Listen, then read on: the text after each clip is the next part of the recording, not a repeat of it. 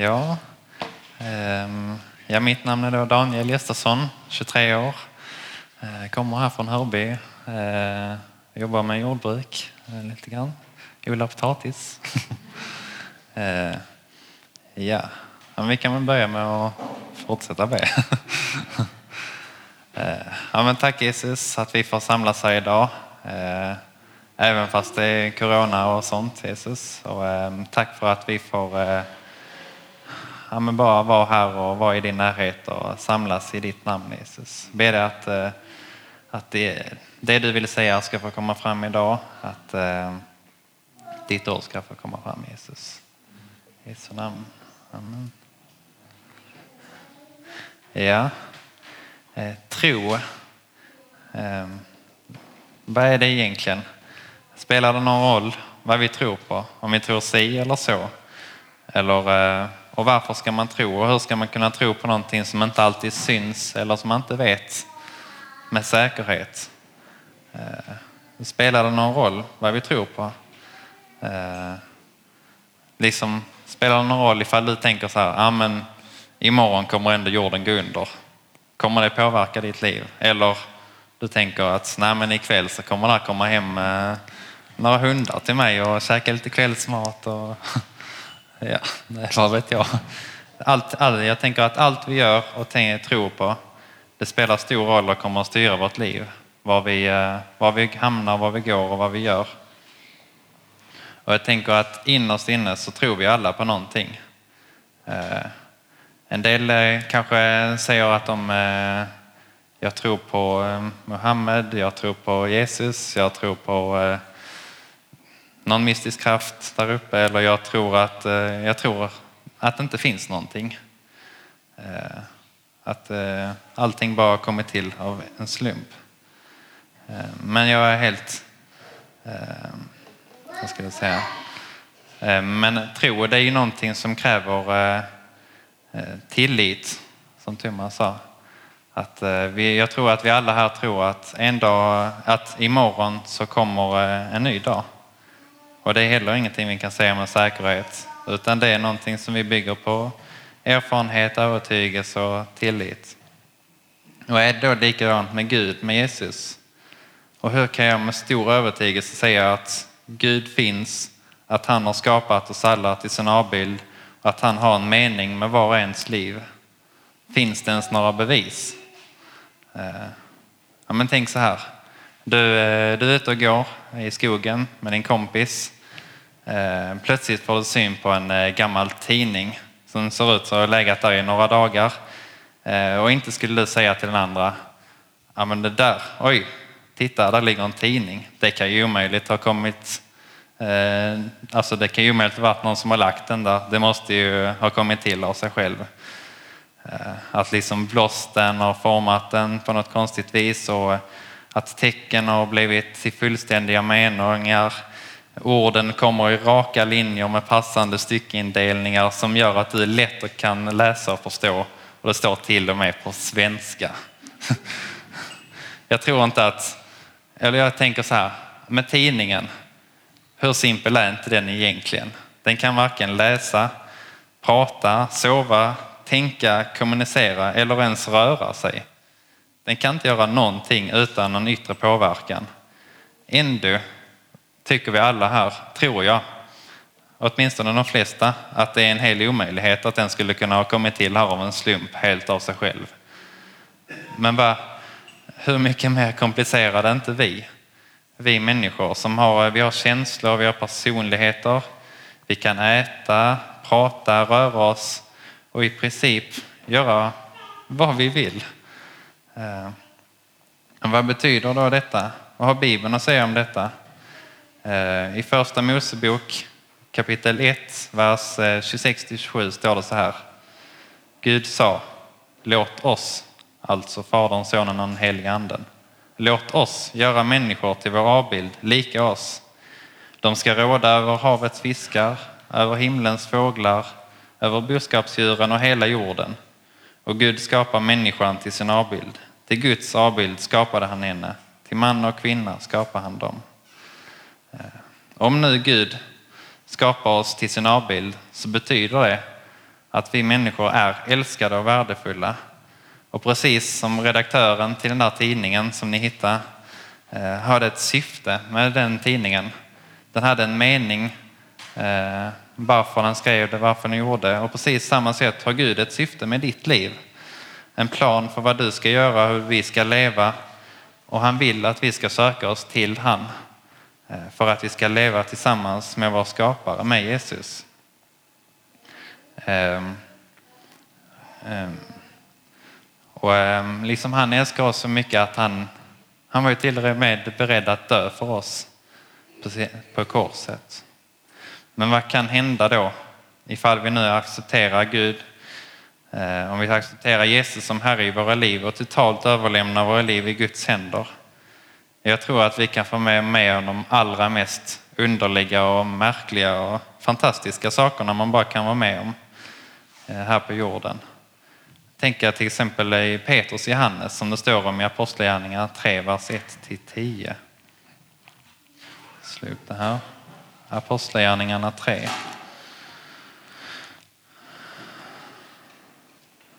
Um, ehm. Apostlagärningarna 3, vers 1-10 står så här. Petrus och Johannes var på väg upp till templet vid bönetimmen, den nionde timmen, alltså klockan tre på eftermiddagen. Då bar man dit en man som varit förlamad från födseln. Varje dag sattes han vid den tempelport som kallades Sköna porten för att tigga av dem som gick in i templet. När han nu såg att Petrus och Johannes skulle gå in i templet bad han om en gåva. Då fäste de blicken på honom och Petrus sa Se på oss. Männen såg uppmärksamt på dem och så väntade sig att få något. Men Petrus sa Silver och guld, det har jag inte. Men vad jag har det, det ger jag. I Jesu Kristi Nazarens namn, res dig och gå. Och han grep, ta, han grep honom i högra handen och reste honom upp. Och genast fick mannen styrka i fötter och vrister. Han hoppade upp och stod upprätt. Sedan började han gå och följa med dem in i templet där han gick runt och hoppade och prisade Gud. Allt folket såg hur han gick omkring och prisade Gud. Och när de inte kände igen och när de kände igen honom som mannen som hade brukat sitta och tigga vid Sköna porten utanför templet fylldes de av bävan och förundran över det som hade hänt honom. De som tänker, tänker den mannen, han har suttit där vid porten hela sitt liv, eller ja, det vuxna livet i alla fall, eh, år ut och år in. Och liksom helt plötsligt får han möjlighet att kunna gå Eh, man, alltså man kan ju bara föreställa sig vilken förändring måste det vara för han. Från att kanske sitta där vid porten och eh, känna sig lite bitter, man är kanske besviken och eh, varför har alla andra det så bra? De, de kan ju gå runt här och de kan ju gå runt. Eh, och liksom glada, och, men han bara får sitta där vid porten, tigga pengar och inte känna att hans liv egentligen har någon mening. Ända tills den dagen när Petrus och Johannes kommer eh, och förändrar hans liv totalt genom deras bön som stod i linje med Guds vilja. Jag tänker så här, om inte den mannen blev glad och gick och berättade för, för eh, alla runt omkring honom vad som hade hänt. Finns det någonting som skulle kunna göra den killen glad? Eh, nej, men jag tror han gick säkert ut i hela byn och berättade för så många som han bara kunde om vad Jesus hade gjort i hans liv genom de där männen som kom förbi där en dag. Och ett annat ställe i Bibeln eh, där det står om fantastiska händelser som har hänt. Eh, det är också eh, i Apostlagärningarna, kapitel 5. Eh, som jag verkligen också tror att det har hänt. Vers 5, nej, Apostlagärningarna 5, vers 12 till 16. Genom apostlarnas händer skedde många tecken och under bland folket och de var alla tillsammans i Salomos pelarhall. Ingen av de andra vågade ansluta sig till dem, men folket talade väl om dem. Och ännu fler kom till tro på Herren, stora skaror både män och kvinnor. Man bar till och med ut de sjuka på gator och lade dem på bäddar och bårar för att åtminstone Petrus skugga skulle falla på någon av dem när han gick förbi. Det kom också en stor skara från städer runt omkring Jerusalem och förde med sig sjuka och sådana som plågades av orena andar. Och alla blev botade. Eh, ja, men tänk er, den dagen folk eh, de har hört en massa tecken under som har skett i Jerusalem och eh, runt omkring där. Och man bara, nej men vi, ber, vi bär ut alla människor på gatan. Så kanske Petrus skugga kan få komma förbi så att de blir helade. Eh, liksom, vilken tro man får ha då. Eh, och då kanske ni undrar, är det här någonting som bara hände för 2000 år sedan? Är det, är det ens möjligt idag? Eh, jag tror att det, det är fullt möjligt, även här idag, här i Sverige, till och med i Hörby. Eh, och hur, hur kan jag säga någonting sånt? Men för det första så har jag fått se och uppleva saker själv i mitt eget liv. Eh, till exempel som en gång när jag eh, höll på att harpa potatis och eh, hade lite ont i nacken och sen bara sen var jag lite trött på det. Sen tänkte jag, ja, men jag lägger handen på nacken och ber. Bara, Gud ta bort smärtan i Jesu namn. Amen. Och det bara, jag trodde inte ens på bönen, men den var helad. Jag kände ingen smärta alls. Och, eh, och för det andra så har jag sett många andra människor också eh, som har haft eh, ont i ryggen och kanske haft problem hela sitt liv eller huvudvärk eller vad sen som kan hända. Sen säger jag inte att alla har blivit helade, men många har blivit det. Och för det tredje så kan inte jag heller hitta något stöd i Bibeln att det inte skulle kunna ske tecken under som på Bibelns tid idag. Det står ingenstans. Ehm, utan det som gäller för apostlarna för 2000 år sedan, det gäller för oss här idag. Ehm, vi har samma auktoritet. Den har inte försvunnit. Men varför går inte då folk ut på gatorna och lägger de sjuka för att bli helade från alla sina sjukdomar? Gör vi något fel? Ehm, jag tänker så här, eh, egna tankar, men kan det inte vara så att vi har det lite för bra här i Sverige? Vi har, vi har blivit bekväma, vi vill inte hamna i problem eh, och så. För liksom vad hände egentligen här i Apostlagärningarna efter detta? Eh, vi fortsätter att läsa ett litet längre stycke här. Apostlagärningarna 5, vers 17 till 42. Översteprästen och Hallans anhängare, det vill säga sadukeernas parti, fylldes av avhund och grep apostlarna och satte dem i allmänt häkte men på natten öppnade Herrens ängel fängelseportarna och förde ut dem och sa Gå och ställ er i templet och förkunna för folket allt om detta liv. När de hörde det gick de tidigt på morgonen till templet och började undervisa. När översteprästen och hans anhängare kom dit sammankallade de Stora rådet, Israels folk hela äldsteråd och skickade bud till häktet för att hämta apostlarna. Men när tjänarna kom fram fann de ingen i fängelset. De vände tillbaka och rapporterade. Vi såg att häktet var ordentligt låst och vakterna stod vid portarna. Men när vi öppnade fanns ingen där inne. När tempelvaktens ledare och över prästerna fick höra detta blev de villrådiga och undrade vad som kan ha hänt.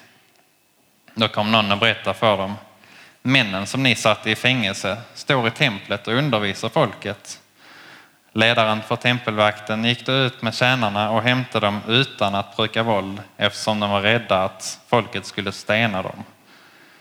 När de nu blivit hämtade ställdes de inför Stora rådet och översteprästerna förhörde dem och sa har vi inte strängt förbjudit er att undervisa i det namnet?